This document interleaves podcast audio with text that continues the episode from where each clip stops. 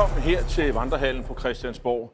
Og vi må nok sige, at der er jo sket så meget i løbet af ugen her, så man kan næsten ikke øh, forstå det. Det har påvirket dansk politik, international politik på en måde, som øh, jeg nærmest ikke kan huske. Det måske være 11. september. Øh, det er nok det, der kommer tættest på.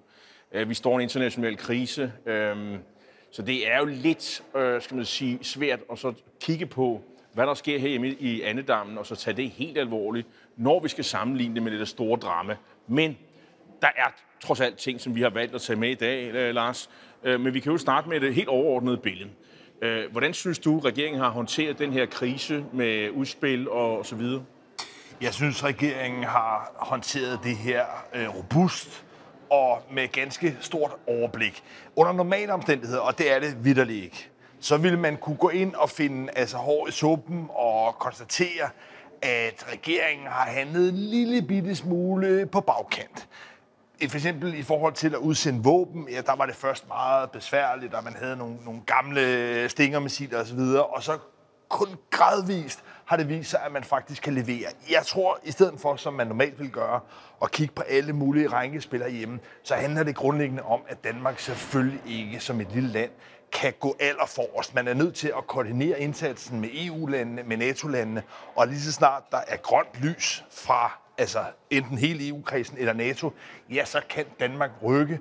Men som vi har set, så er man i gang med at planlægge, og man eksekverer også ret resolut. Så jeg synes, at det billede, der tegner sig, det er en dansk regering, som i øvrigt også, også har meget bred opbakning i Folketinget, øh, agerer på en måde, hvor man har forpligtet sig både til EU-samarbejdet, i høj grad også NATO-samarbejdet, på en måde, vi ikke har set i, i årvis. Og jeg synes også, at man må sige, at på trods af lige det, du nævner her med våbnet, hvor, hvor, hvor det har set skævt ud, men der er man kommet meget hurtigt tilbage igen, igen ved at sige, det taler vi ikke mere om, øh, så synes jeg også, at regeringen har formået at placere Danmark øh, meget solidt i det her øh, NATO-fællesskab. Det har måske også haltet lidt med, med, med EU. Øh, øh, pludselig her i sidste uge, der var det her sådan, samarbejde, man havde med Israel og Østrig. Hvis nogen kan huske, at, at Torne, øh, undskyld, statsministeren, der, Mette Frederiksen, var nede og, og snakke med Benjamin Netanyahu, der jo ikke er der mere, og den østrigske kansler, der heller ikke er der mere. Ja, så blev det projekt øh, ligesom pludselig afviklet, at der jo skulle udvikle de her vacciner sammen i en fabrik et eller andet langt sted. Det er også afviklet. Man er tilbage i EU-sporet øh, hvor det hele foregår. Og, og jeg synes, man kan se på udenrigsministeren. Han er med over det hele. Han kommunikerer over det hele. Øh, øh, jeg synes, man kan se Danmark stå der, hvor Danmark øh, egentlig altid har stået øh, i NATO-samarbejdet, øh, i EU-samarbejdet, også i nordisk samarbejde og andre, andre ting. Øh, og jeg synes ikke, man kan sige på noget område, at her har regeringen virkelig øh, sat øh, foden forkert. Tværtimod synes jeg, at man kan se, at man øh, regeringen er meget, meget, meget god til at, at se øh, øh, signalerne, tolke på dem og, og, og, og komme med meldinger. Meget af det er jo også sådan noget, hvor man må sige, det er jo ikke noget, der koster Danmark særlig meget. Men et eksempel. Kultur, kulturel boykot. Altså, der har den danske regering jo været ude øh, hele tiden, og var der et, et eller andet russisk ballet, balletkompani, der skulle optræde et eller andet sted, jamen, så har øh, ministeren for området øh, været ude og brokser, øh, og, og sige, øh, det synes hun ikke, at øh, man skulle lægge rum til, og det burde man aflyse. Et eksempel, men altså, så jeg, jeg synes, at den her regering er meget i tråd med, med situationen og med de holdninger, som der er bredt i det danske samfund. Men det, der jo fuldstændig også har ændret spillet herhjemme, det er, at den nye tyske kansler Olaf Scholz forleden holdt en tale, hvor han annoncerede det, der på tysk hedder en Seitenwende, altså et vendepunkt. Og det skal jeg lige love for at ske i Tyskland, både i forhold til oprustning, men for den sags skyld også i forhold til den grønne omstilling, hvor der nu er en meget bred erkendelse af, at Europa bliver nødt til at gøre sig energiuafhængig af Rusland. Det betyder, at i Tyskland taler man nu om at genstarte nogle af de atomkraftværker, man var ved at nedlukke, og i det hele taget lave en massiv udbygning. Så der er altså sket et skift, som meget er drevet frem af, at Olaf Scholz altså nu har annonceret, at Tyskland har forpligtet sig på meget hurtigt at leve op til den her målsætning om 2%, og det kan man sige spiller tilbage i dansk politik. Lige pludselig er den alt overgribende politisk prioritet blevet nu at skulle finde et meget betydeligt antal milliarder ekstra til forsvaret, men det er der bred politisk vilje til. Men man må også bare sige, at timingen for regeringen er, faktisk øh, ret god. Altså, man har jo ikke truffet nogen beslutning om det. Jeg tænkte, hvis man havde lavet en beslutning om det her for to-tre måneder siden. Nej, det er åbnet. Man er i gang. Men mens vi sidder og taler her, så er det jo, at, øh, at, at behovet for flere våben for at opruste øh, stiger markant. Også den her grønne diskussion, det handler ikke så meget øh, længere om, øh, om klima, det handler det også om, men det handler mere om det her energiafhængighed. Det er det, der skal afvikles. Det vil sige, klimapolitik bliver lige pludselig noget øh, udenrigspolitik, noget sikkerhedspolitik, på en helt anden måde, end det har, har været før. Øh, og der kan man jo bare sige, det er meget svært at så finde øh, nogen, der egentlig er imod det her hovedspor, øh, der siger nej til Rusland, ja til Ukraine, ja til EU, ja til NATO, ja til fællesskab, øh, pro-USA. Øh, men der er dog, Ja, og dog, enkelte... fordi hvis vi ligesom runder af og konstaterer, at regeringen står stærkt resolut i meget tæt forbrydning, kan man sige, med de andre europæiske lande i NATO-alliancen, og i øvrigt også med de store partier, så skal jeg lige love for, at der på yderfløjene er opstået nogle besynderlige omvæltninger. Og lad os starte med enhedslisten. I enhedslisten er der jo stadigvæk også folketingsmedlemmer, som under den kolde krig var medlemmer af DKP, som var Moskva-tro.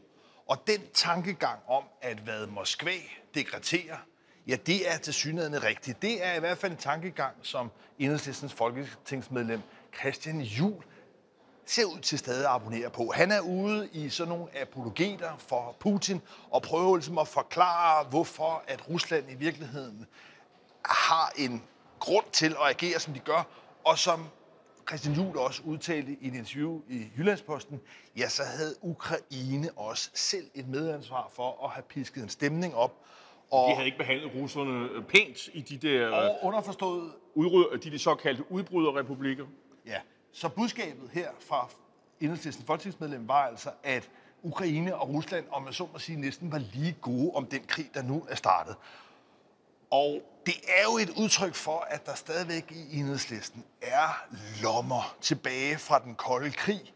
En tænkning, som jo, altså i, i, i den politiske debat taler man i dag om en brydning mellem de liberale demokratier og så de illiberale demokratier, hvor Putin som despot, diktator, tydeligvis står som en af de illiberale.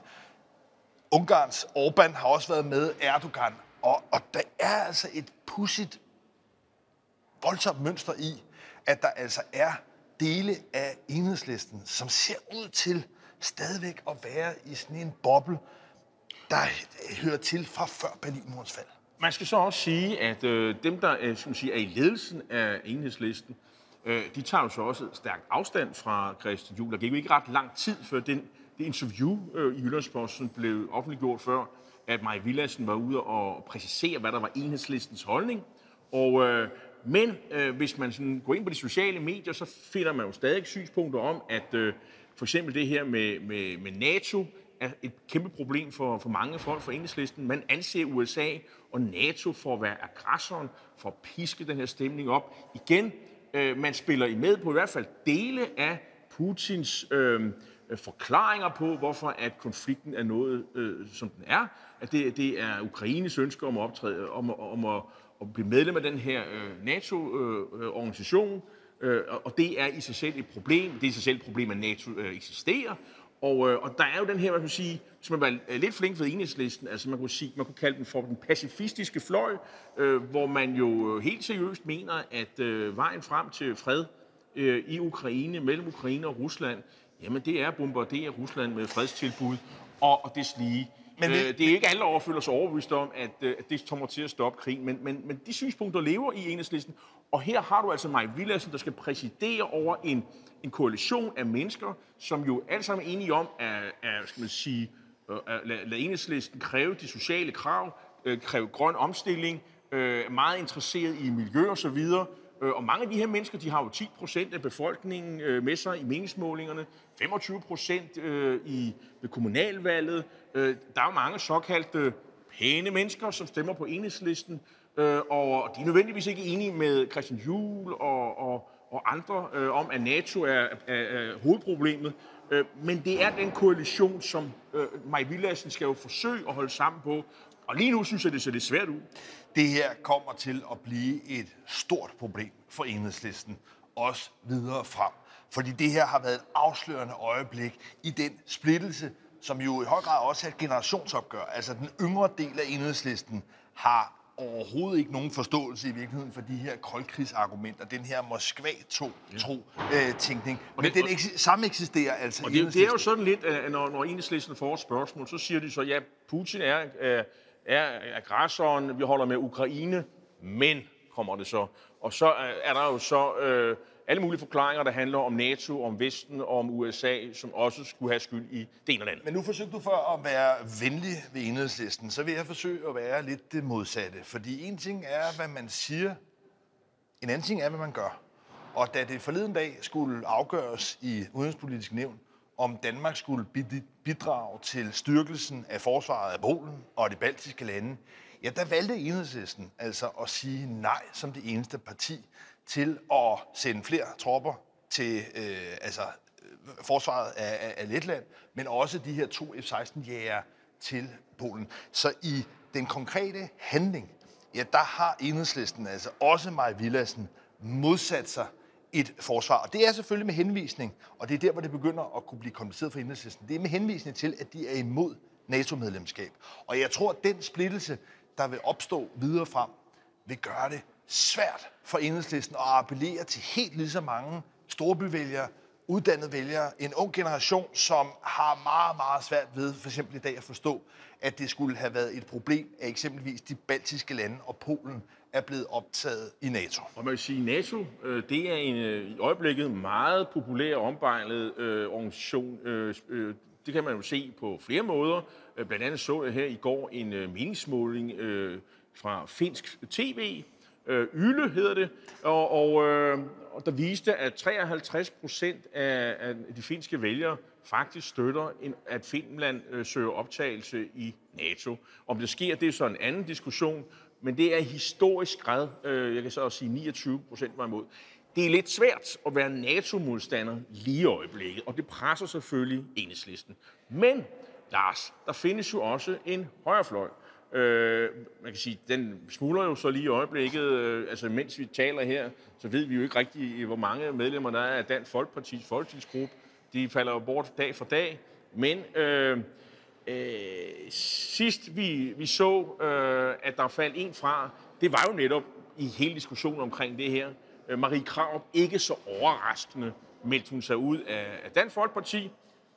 Der var også der var mange begrundelser, øh, og nogle af dem nogle af dem handlede om Morten Messerschmidt, som hun jo ikke mener kan stå i spidsen for, for Dansk Folkeparti, fordi han har den der øh, straffesag hængende over sig om, om fusk med EU-midler og, og dokumentfalsk. Men den anden forklaring handler jo også om, at hun ikke kan tale frit. Hun har jo haft nogle særstandpunkter, må man nok have lov at sige. Øh, der er jo faktisk øh, på nogle områder og overlapper, hvad Christian Juhl siger.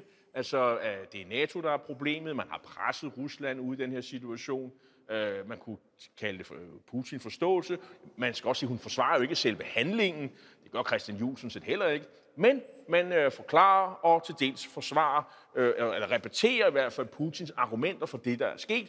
Og, øh, og det er jo også et, øh, det har længe været et problem for, for Dansk Folkeparti. Det er det så ikke længere, kan man sige.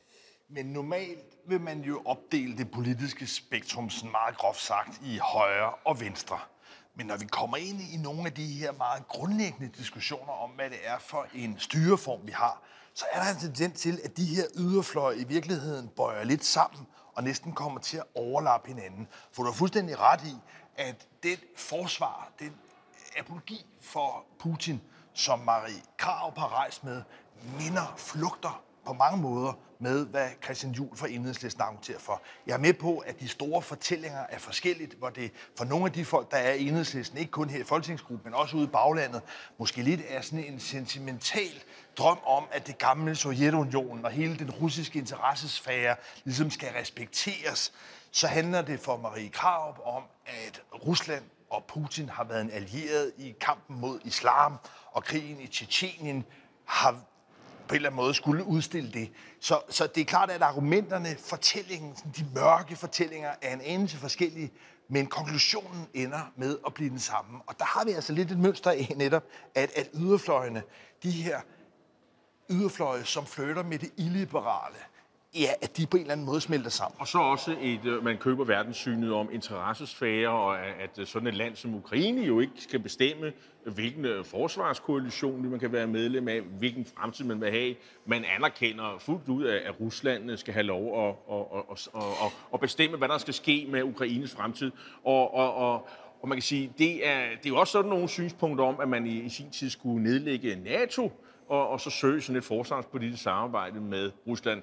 Og det må jeg sige, det har, det har nok lange udsigter, vil jeg sige, lige pt. Øh. Men på samme måde som, at jeg i hvert fald forudser, at enhedslisten kan stå med nogle alvorlige forklaringsproblemer i forhold til mange af de nye vælgere, der er kommet til enhedslisten. Med den her kurs, i hvert fald de her lommer i partiet, der forsøger med forskellige krumspring at forsvare, eller i hvert fald, kan man sige, undsige snakken udenom i forhold til, hvad der sker i Ukraine. Der vil enhedslisten få et problem, men jeg synes, vi ser også et mønster på højrefløjen. Ikke mindst i andre europæiske lande. I den franske præsidentvalgkamp, som er godt i gang, ja, der har den her, øh, det her forløb voldsomt kompromitteret to af de højrefløjskandidater, som udfordrer præsident Macron. Både Marine Le Pen, som vi har kendt i mange år, der i meget, meget lang tid, meget på linje med Marie Krav herhjemme, har været meget sådan Putin forstående, Men i høj grad også den øh, tredje kandidat, som ellers har haft meget medvind, Semur, ja, han er næsten endnu mere øh, allieret med Rusland. Og, og det her forløb, i både blandt unge vælgere, blandt gamle vælgere, blandt byvælgere, blandt landvælgere, ja, der er det altså voldsomt kompromitterende, også for de her kandidater. Så vi ser altså et præsidentvalg øh, i Frankrig, som i høj grad også kan blive påvirket af det her. Og det er nogle af de samme strømninger, som jeg også tror, vi i lidt mindre skala vil komme til at se herhjemme. Hvis man kunne udråbe nogen, der er vinder på den her øh, konflikt, eller den her øh, internationale krise, så synes jeg stadig, at man kan se, øh, så tror jeg, at den danske midte, øh, og den skal nok forstås lidt bredt, øh, kommer til at vinde på det. Jeg tror ikke, det bliver en, en, en, en sag som Enhedslisten og de andre højrefløj øh, Nu siger du de andre partier. Nej, de, de, de mange efterhånden mange øh, partier og, hvad skal man sige, øh, koalitioner, øh, som endnu ikke er blevet til et parti endnu, på, på, den, på, på højrefløjen, at de vinder på det her. Fordi det er også lidt et fravær af, hvad skal man sige, øh, øh, snakken om, om, øh, om, øh, om islam, om øh, muslimer, men ikke om flygtning, fordi øh, sjovt nok, eller sjovt nok, i det var den meget, meget, meget triste baggrund, øh, så synes jeg stadigvæk, man kan se, at der er en konsensus om, at man vil hjælpe ukrainerne, hjælpe de ukrainske flygtninge. Der er et helt andet øh, skal man sige, samtale omkring de her ting øh, med, med Mathias Tesfaye, øh, øh, flygtning, integrationsministeren, øh, meget mere skal man sige, øh, åben. Øh, så indtil videre, så ser det i hvert fald ud som om, vi har en anden dialog omkring det. Det tror jeg ikke hjælper øh, Dansk Folkeparti nye borgerlige. Men jeg kan selvfølgelig tage fejl. Og herfra, Lars, om en uge, Tror du, at vi har skiftet andre positioner yderligere? Har vi set større skred her? Ser vi pludselig enhedslisten hoppe ud og, og sige, at vi er også nu tilhængere af NATO? Så, så der slet ikke er noget NATO-kritisk øh, parti i Folketinget? Eller er det at trække den for langt? Ja, det er nok at trække den for langt, fordi der er jo altså faktisk et parti herinde, eller i hvert fald en, en, en, en lille gruppering herinde, Frie Grønne, som nu ligesom forsøger, Siddiq. ja, ja. som forsøger ligesom at indtage den her mere pacifistiske position. Så på den måde er det jo stadigvæk repræsenteret. Jeg tror bare ikke, det er så stort, og derfor vil det afspejle sig i, at enhedslisten, den ledelse med Maja Villersen i spidsen, vil på en eller anden måde tage bestik af situationen og placere sig et sted, der er i tråd med, hvad altså et parti på linje med enhedslisten vil mene, også i de andre europæiske lande. Så jeg er fuldstændig enig i, at der ligesom sker, kan man sige, en, en, en, en bøjning ind mod midten i virkeligheden, hvis man skal kode det helt ned. Den øh, situation, som Lars Lykke agiterede for i sidste valgkamp, at man i virkeligheden skulle Så overflødig. skære yderfløjen. Ja, det er jo så paradokset, men skære yderfløjen fra. Det er lidt det, der sker i hvert fald i den her store diskussion. Men institutionerne, vi har været inde omkring NATO, men i høj grad også EU-samarbejdet, vinder også større tyngde. Og en af de store diskussioner, der kommer til at folde sig ud herinde på Christiansborg, det er jo hele spørgsmålet også om forsvarssamarbejdet i den udstrækning, at EU-landene går videre og intensiverer forsvarssamarbejdet, og det er der meget, der tyder på. Og det vil sige, at øh, er øjeblikket kommet, hvor at øh, statsministeren øh, siger, at vi skal til at diskutere det her forsvarsforbehold. Vi skal have en folkeafstemning om det. Er det tidspunktet? Ja, det er jo i hvert fald et øh, ønske og et krav, om man vil, fra Venstres formand, Jakob Ellemann Jensen, som i hvert fald har set det her som en åbning, både for at insistere på det her 2% målsætning, men også for at bringe Danmark ind i det fulde øh, EU-samarbejde på forsvarsområdet. Jeg tror, at Mette Frederiksen stadigvæk vil være ængstelig for at tabe sådan en afstemning. Jeg tror lige nu, hvis den bliver holdt lige nu, så tror jeg sådan set, det vil blive et ja. Men, men, men vi er i et situation lige nu, Lars, hvor, hvor, hvor holdningerne de flytter sig hen over natten. Altså, man, øh, man gik i seng som øh, NATO-modstander og, og vågner som NATO-tilhænger. Nogle går i seng som EU-skeptikere og vågner som EU-tilhænger, varme EU-tilhængere. Altså, nogle er øh, skal man sige, neutrale. Schweiz har været neutrale i århundreder, og pludselig så er man med på at lukke øh, Schweiz, eller Rusland uden for alt muligt andet, og det samme med Finland og Sverige. Altså, det, det er virkelig, øh, der sker virkelig store ting lige nu. Og derfor er det også ekstremt spændende, kan man sige. Det er det, og jeg, jeg, jeg tror sådan set, at, at, at bevægelsen er i retning af, at en stadig større gruppe af både partier herinde på Christiansborg, men også vælgere rundt omkring i hele landet, vil tilslutte sig ideen om, at i den her krise, der har både NATO og EU, viser som den, kan man sige, altså handlingskraftige øh, aktør, som rent faktisk kunne stille noget op imod øh, Putin. De her økonomiske sanktioner, som ruller, og som man måske også har haft, det har jeg selv også haft en spøjlighed til at ligesom vil afvise det som nogle slag i luften, som noget lidt impotent. Det er jo altså noget, der ser ud til virkelig at bide på russerne. Den børsen i øh, Moskva har ikke været åben hverken mandag eller her i dag tirsdag. Rublen er styrtdykket i værdi, og mange af de værdier, som den russiske nationalbank har, er blevet indefrosset rundt omkring i verden. Det her det er noget, der virkelig kommer til at gøre ondt. Ikke alene på øh, Krim, men også på de oligarker, altså de her rige mænd, som på mange måder har været, hvis man skulle bruge et, et, et moderne udtryk, sugar daddies for Putin. Det er nogle af dem, der virkelig i de her timer og døgn bliver ramt hårdt. Det er noget, der har en effekt, og det er jo noget, der er et resultat af, at man i EU-kredsen rent faktisk har muligheden for på det økonomiske område at lave nogle meget, meget målrettede og konkrete øh, altså sanktioner. Og det er noget, der på en eller anden måde synker ned i en erkendelse af, hov, den her opfattelse af, at EU ligesom bare var en snakkeklub. Man har den her gamle joke om, øh, hvem skal man egentlig ringe til? Ja, det har faktisk vist sig, at der er nogen, der tager telefonen, og der er nogen, der handler. Der er sågar nogen, der har formuleret det sådan, at Putin har gjort EU great again. Også det, og der, hvis man skal ringe til nogen i EU, så er det måske øh, Olaf Scholz i Berlin. Øh, fordi øh, nu vil Tyskland lige pludselig opruste med øh, mange penge. Man hiver 100 millioner, undskyld, milliarder øh, euro. Det er så gang med 7,5, så har man det i danske kroner.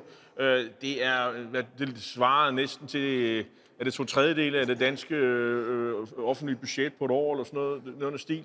Øh, ufattelig mange penge, man, man bruger penge, altså indgangsbeløbet, så kommer man i øvrigt øh, de årene øh, efter. Øh, jeg tror, vi kommer til at se noget også sådan for, for, for den danske regering. Øh, måske ikke helt det samme øh, beløb, men noget, der kan svare på det, øh, på det, som tyskerne gør. Vi kan ikke ligge i læ af tyskerne og sige, at så tyskerne ikke bruger så mange penge, så behøver vi heller ikke bruge det. Vi kommer til at, at, at gøre det, og det kommer selvfølgelig til at gå ud over dem, øh, som har nogle andre prioriteringer, øh, og det er jo regerings parlamentariske grundlag, enhedslisten og SF, som jeg ser det. Øh, men man kunne også godt forestille sig, at det her var en anledning for regeringen at sige, ja ja, der er nogen, der kommer til at betale, men det kommer her fra Danmark også til vi hæver skatterne. Og så kan man gå over til de borgerlige. Altså, hvis I skal være med her, så skal I være med på at hæve skatterne, øh, fordi vi skal alle sammen være med til at betale her. Og så, så det, det, det kunne jo også godt være en, øh, en mulighed. Men de politiske effekter, for at spænde fløjt på det, de politiske effekter af Putin-regimets invasion af Ukraine, har været, at fløjene er blevet skåret fra, er havnet i en situation, hvor de i en vis udstrækning har latterliggjort sig selv, og at der ligesom er en bøjning ind mod midten, og en vilje til at forpligte Danmark på internationalt samarbejde, både i NATO med større forsvarsbudgetter, men også i EU potentielt med øh, en ophævelse af forsvarssamarbejdet. Så det er noget, der altså, kan man sige, virkelig har lagt et tryk ind, og som har fjernet mange sådan småfnidere diskussioner, og samlet set, som det står lige nu, altså styrket Mette Frederiksen og regeringen, men sådan set også øh, Jakob Ellemann Jensen, øh, Venstre, den etablerede øh, gamle opposition, om man vil. Så det er altså noget, der fuldstændig har rykket billedet i dansk politik. Men i næste uge kan det jo se fuldstændig anderledes ud. Øh, mens vi står og taler her, så er, er russerne ved at optrappe øh, øh deres øh, øh sådan sige, krigsindsats i, i Ukraine. Øh, så øh, hvem ved, hvordan verden ser ud om en uges tid. Men vi vil i hvert fald sige tak, fordi I øh, så med her fra Vandrehallen på Christiansborg. Det er virkelig, virkelig spændende tider, vi lever i. Øh, pas godt på jer selv derude, og tak fordi I så med. Vi ses i næste uge.